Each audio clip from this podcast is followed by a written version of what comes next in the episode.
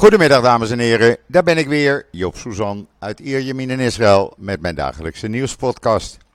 Even het weer. Nou, het is gewoon hartstikke lekker. De lekkere tijd begint nu, zo tot eind oktober, half november. Het is uh, zo'n 30, 32 graden, strak blauwe lucht, een briesje. Gelukkig niet zo heet meer. Dat is de heerlijke tijd. En de temperaturen blijven voorlopig ook uh, rond de 30, 32 graden. En s'nachts zo rond de 23 graden. Prima tijd eh, om eh, lekker eh, vakantie te vieren in Israël, zou ik zeggen. Ja, en dan Ajax gisteravond. Nou ja, het was een leuke wedstrijd om te zien. En eh, ja, jammer dat ze in die laatste minuut verloren hadden. Maar goed, eh, hier in Israël is alles in het teken van Paris Saint-Germain. Dat vanavond in Haifa speelt tegen Maccabi Haifa. Ja, dat is toch wel de wedstrijd van het jaar uh, en misschien wel uh, van de eeuw. Want uh, ja, iedereen wil natuurlijk Messi zien. het stadion is wel tien keer uitverkocht. Maar gelukkig was er voor een jongetje met 12, van 12 met een ernstige vorm van kanker in zijn hoofd. Die wilde graag naar die wedstrijd toe. En een uh, aantal mensen zijn aan de gang gegaan met het bestuur van uh, Maccabi Haifa, met de voorzitter. En het is er gelukt. Het jongetje ziet vanavond zijn droom in vervulling gaan. En kan bij de wedstrijd aanwezig zijn. Men heeft gewoon gezegd, tuurlijk, hij hoort daarbij. Dat is toch prachtig. Ja, en voor de rest zit, uh, ik denk heel Israël vanavond voor de buis gekluisterd. Want Messi en zijn vrienden, ja tegen Maccabi Haifa. Uh, dat is natuurlijk uniek.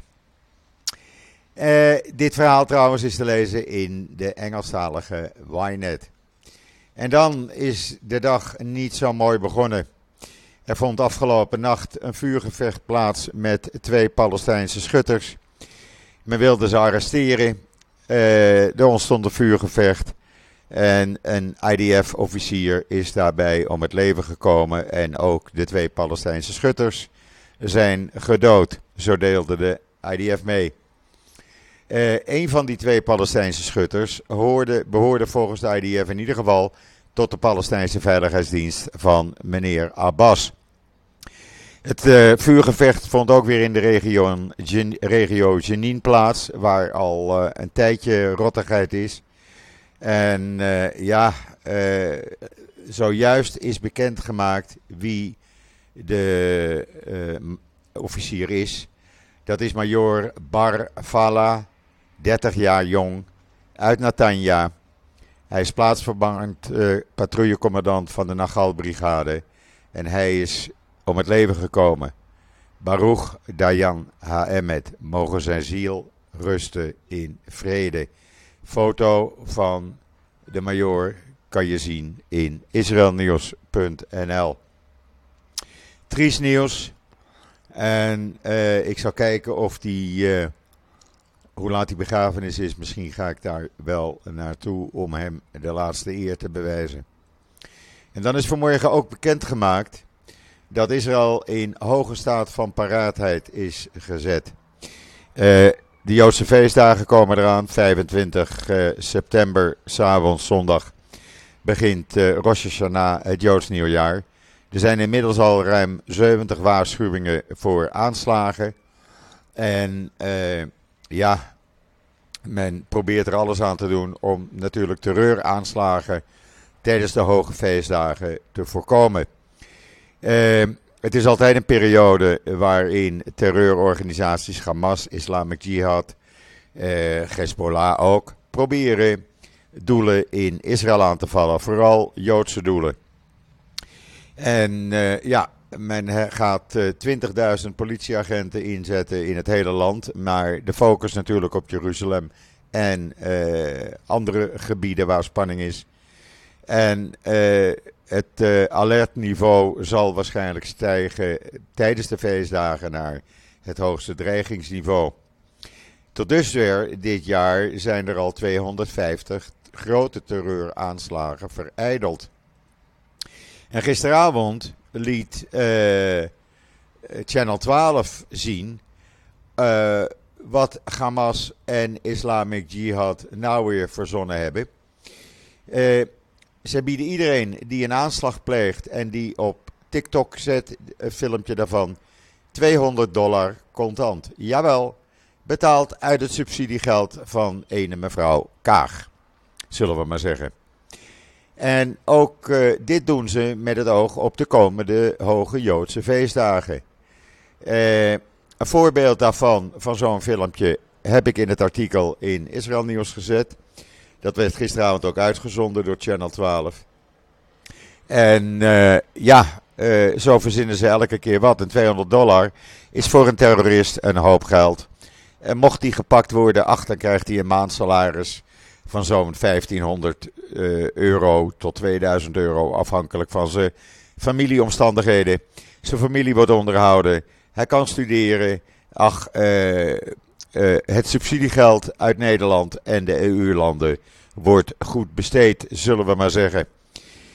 ook dit te lezen in israelnieuws.nl.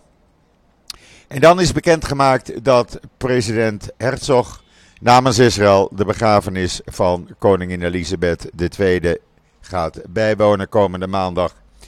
Hij vertegenwoordigt het Israëlische volk en de staat en zal ook uh, langs de kist lopen en zal uh, uh, gesprekken hebben met andere wereldleiders, zoveel mogelijk. Ik zal jullie daar natuurlijk van op de hoogte houden, want ook ik weer word weer op de hoogte gehouden door allerlei persberichten. En dan iets uniek wat u kan lezen in israelnieuws.nl.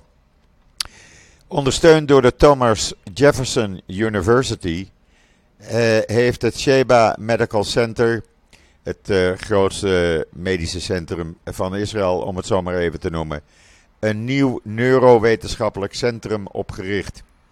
En men gaat daar grote onderzoeksprojecten doen op het gebied van hersenaandoeningen, stamcelonderzoeken en gedragsstoornissen. Jawel, uh, Sheba is daarvoor uitgekozen en uh, Thomas Jefferson University heeft een hele voorname uh, taak hierin om te helpen.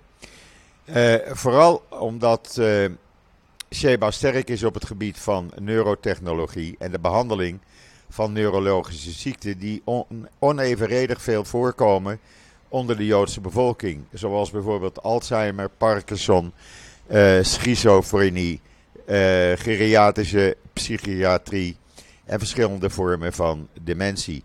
Het hele verhaal is te lezen in israelnieuws.nl. Maar hou dat in de gaten, uh, want dit is ja, op medisch gebied uniek te noemen.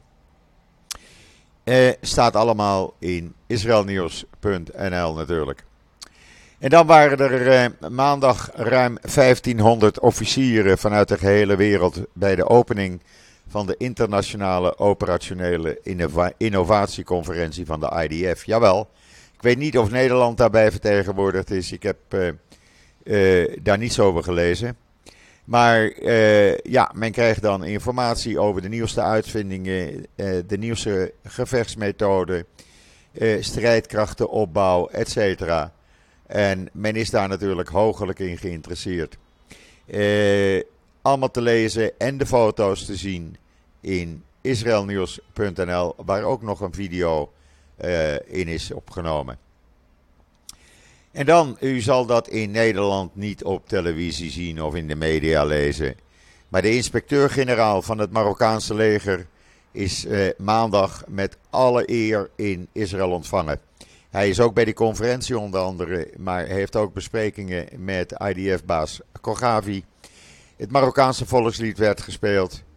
Uh, ja, je kan het allemaal zien, inclusief het videootje in israelnieuws.nl. Maar het toont ook aan hoe normaal normaal is uh, geworden in Israël. Tussen Israël en Marokko en de Arabische landen. En dan Israëlische technologie gaat elektrische voertuigen in Duitsland sneller opladen.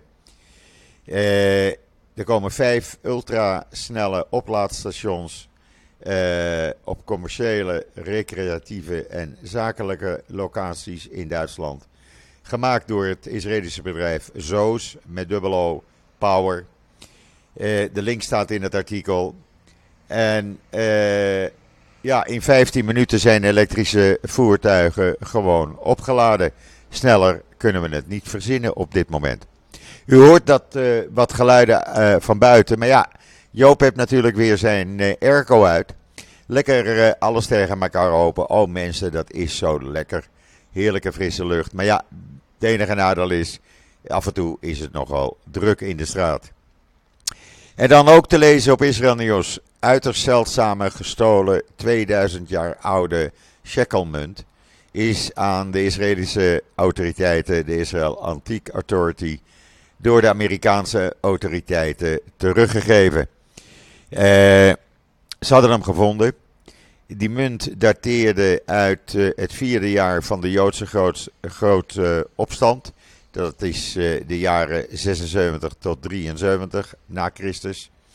En de ceremonie vond maandag plaats op het kantoor van de Manhattan District Authority. Daar was ook de consul-generaal van Israël in New York bij aanwezig de Israëlische ambassadeur bij de VN. Nou ja, allerlei hoge pieven. Ze moesten natuurlijk allemaal op de foto. Maar het belangrijkste is dat de munt weer in Israël is. Hoe mooi is dat? Lees het in israelnieuws.nl. En gisteravond voor de tweede keer heeft eh, president Herzog de uh, Saks Conversation georganiseerd genoemd naar de vroegtijdig overleden voormalige Britse opperrabijn Lord Jonathan Sachs. En dat deed hij in de president residence in Jeruzalem. En daar, eh, ja, daar waren natuurlijk allerlei belangrijke mensen bij aanwezig. En eh, ja, dat werd een hele interessante conversatie, waarvan eh, een groot gedeelte van wat er besproken is te lezen valt in israelnieuws.nl mooie was dat ook de weduwe van de overleden rabbijn Lady Helene Sachs hierbij aanwezig was. En dan, uh, we zijn er nog niet. Nee, nee, want in Israël Nieuws kan je lezen hoe Jeruzalem de eerste toegankelijke UNESCO, UNESCO Werelderfgoedstad van de wereld werd. Jawel, toegankelijk zoals toegankelijk maar kan zijn. Ik heb daar ook dat filmpje bij gedaan in dat artikel. wat ik afgelopen maandag tijdens de Bar Mitzvah bij de Klaagmuur heb, gemaakt. Voor diegenen die het gemist hebben, kan je dit nog even zien. En dan uh, blijkt dat uh, Rusland, volgens de Amerikanen, de afgelopen jaren 300 miljoen dollar heeft besteed om zich te bemoeien met verkiezingen in tientallen landen. Sinds 2014 hebben ze dat gedaan. Uh, ze probeerden dan uh, de uh, verkiezingen te beïnvloeden.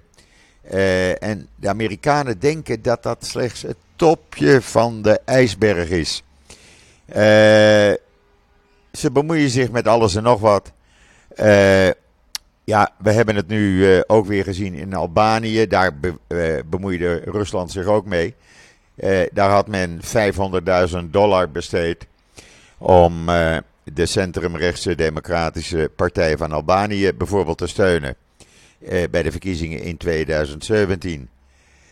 en zo zijn er nog wat landen waar men ja, veel geld aan heeft besteed om maar invloed uit te oefenen. Te lezen in de Times of Israel. Of ze het ook in Israël en Nederland hebben geprobeerd, ik ben er niet achter gekomen. We hebben natuurlijk in eh, Europa al een tijdje die oorlog uh, Rusland-Oekraïne. Maar er is nog een, uh, ja, een oorlog aan het starten, zo mag ik het toch wel noemen. Er zijn inmiddels 99 mensen omgekomen. 49 soldaten van Armenië en 50 van Azerbeidzjan. Tussen de gevechten aan de grens tussen Armenië en Azerbeidzjan. En het stopt nog niet, schrijft de Times over Israël. Uh, die gevechten gaan gewoon lekker door. En dat zou wel eens een tweede brandhaard in Europa kunnen gaan worden. Hou dat in de gaten, mensen, want dat ziet er niet kosher uit. Ja, klimaatactivisten. Jawel, we hebben ze ook uh, in Israël. En er zijn er vier van Extension, Rebellion sinds zondag in uh, hongerstaking gegaan in Jeruzalem. In de Rose Garden, vlakbij uh, de Knesset.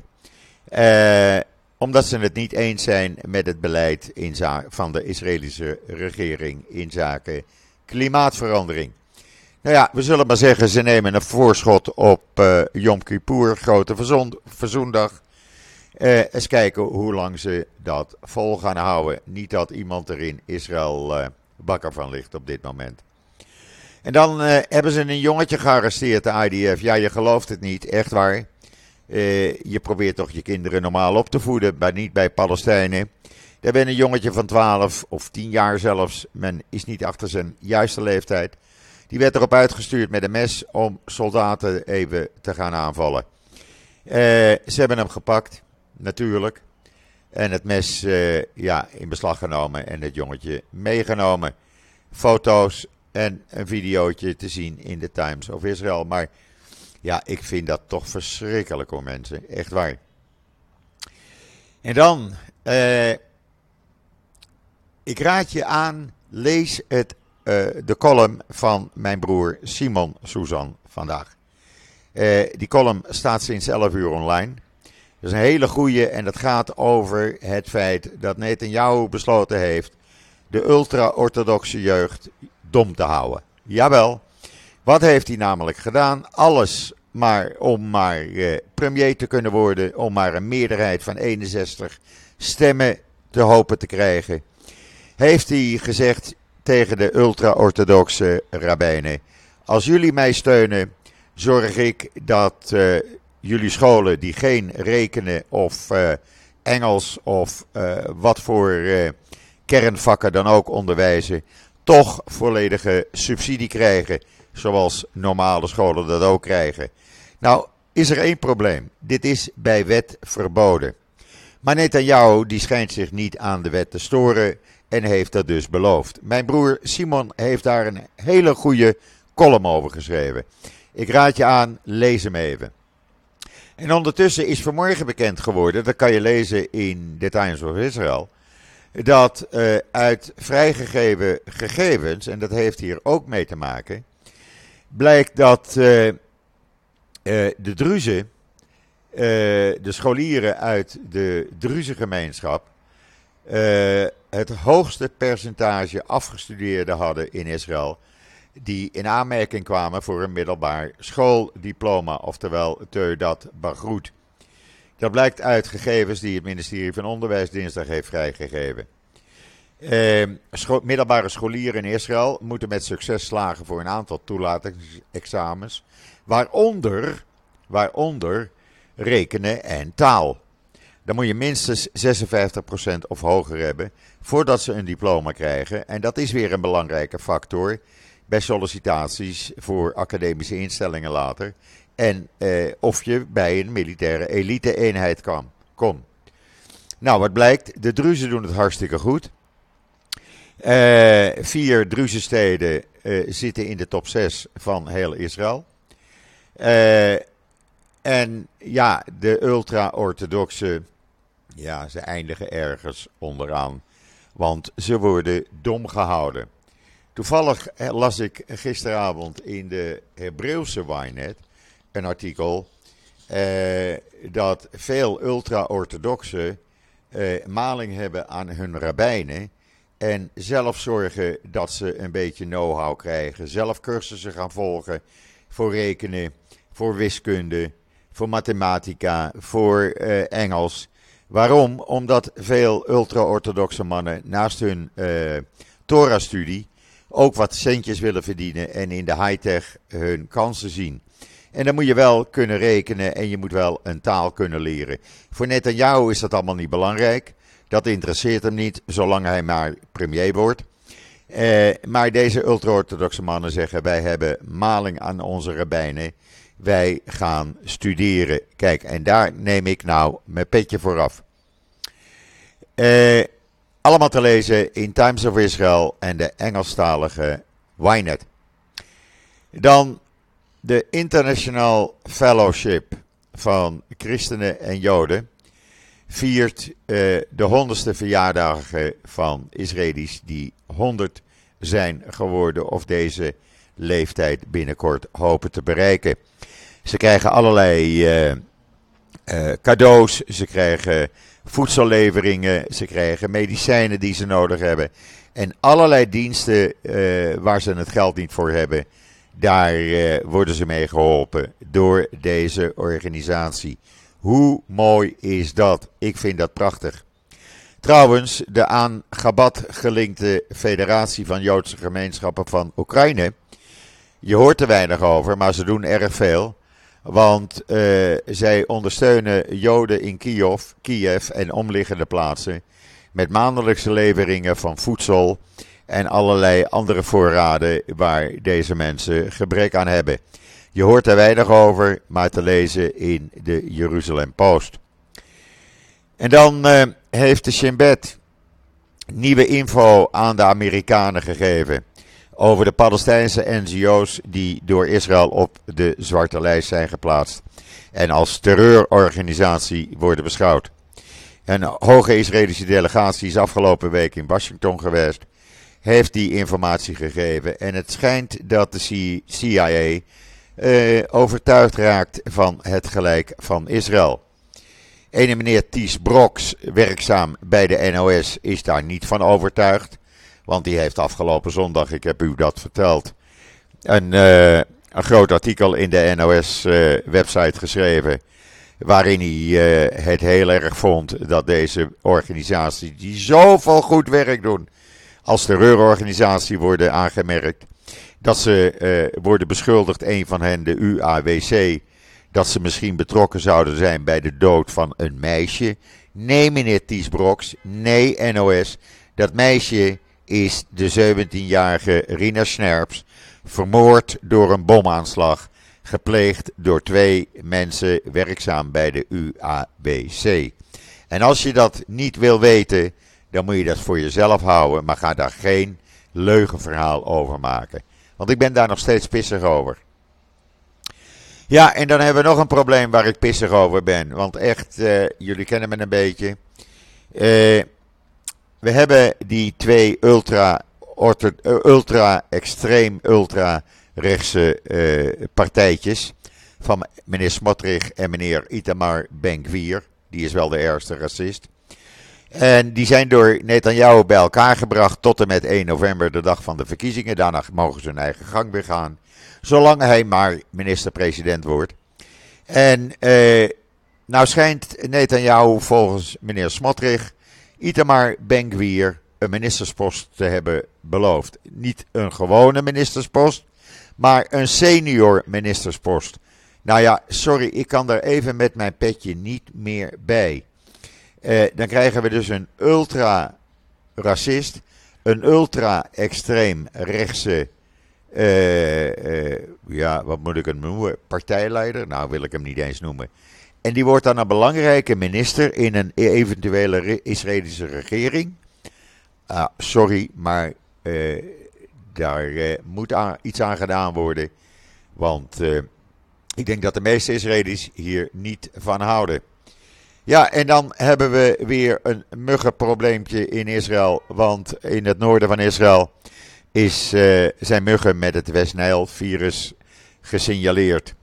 Uh, ze zijn gesignaleerd in een trainingskamp van de Golani-soldaten.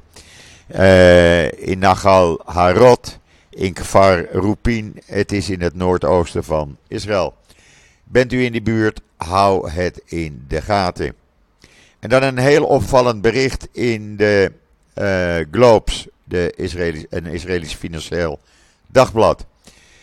volgens Bloomberg heeft Intel zijn waardering voor de beursgang van het Israëlische technologiebedrijf voor autonoom rijden, Mobileye, ik heb daar al vaker over geschreven en gesproken, met 40% verlaagd. Uh, oorspronkelijk was het, uh, werd het gewaardeerd door Intel op 50 miljard dollar. Maar mm, volgens Bloomberg is dat nu teruggebracht tot 30 miljard dollar. Zowel een opvallend bericht waar niemand verder op reageerde. Ja, en dan hebben we gisteren iets heel raars gehad. En ik ben daar ook kwaad om, want ik vind dat onjuist. Tientallen ouders van een uh, kinderopvang in Golon, die uh, blokkeerden de ingang van uh, dat kinderdagverblijf. Want er werkten opeens vier Arabische vrouwen uit Oost-Jeruzalem. Nou, die waren aangenomen door dat bedrijf. Ze voldeden aan alle eisen. En eh, konden gewoon gaan werken, begeleid door Israëlische eh, leidsters. Nou, dat pikte die ouders niet. Die wilden hun kinderen niet door Arabische vrouwen laten worden verzorgd. En die eisten dat die vier vrouwen per direct vertrokken. Uh, ik vind dat racisme. Mag ik dat zeggen? Ja, dat mag ik zeggen. En dat hoort in Israël niet thuis. Helemaal niet in Israël. En deze mensen die laten zich gewoon opjutten. Die, die ouders deden. Die ouders wisten amper wie die vrouwen waren. En eh, ze, ze, toen ze eenmaal in de auto zaten, die vrouwen, om terug te gaan, werden ze nog verhoord ook door die ouders. Nou, het was echt van de gekken. En ik vind dat heeft geen plaats. Goed, dan vanavond hebben we natuurlijk Maccabi Haifa tegen Paris Saint-Germain. Messi en co. Het zal uh, een wedstrijd worden. Ik denk niet dat uh, Maccabi Haifa veel kans maakt. Maar je weet het maar nooit. Het is voetbal. Een balletje kan raar rollen. En dan uh, morgen heb ik mijn vriendje Rob Heilbron in de podcast. En we gaan het over een, heel, een heleboel leuke interessante onderwerpen hebben. Ja, hij gaat het ook hebben over de situatie in Nederland, heeft hij mij al gezegd. Dus ja, uh, uh, dat belooft een leuke uitzending te worden, denk ik zomaar. En dan nog even dit. Luister jij graag naar deze podcast en wil je de maker ondersteunen voor alle moeite en toffe content? Geef dan, als je wat kan missen, een digitale fooi. Dat doe je via d.com zonder abonnement of het achterlaten van privégegevens. Dus d.com. En dat kan ook via Ideal. Oké, dat was het wat mij betreft voor vandaag.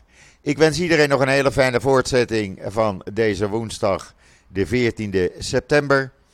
Geniet vanavond van het voetbal als je gaat kijken. Ik ga ook even kijken natuurlijk. Ik ben er morgen weer samen met Rob Heilbron. En zeg, zoals altijd, tot ziens. Tot morgen.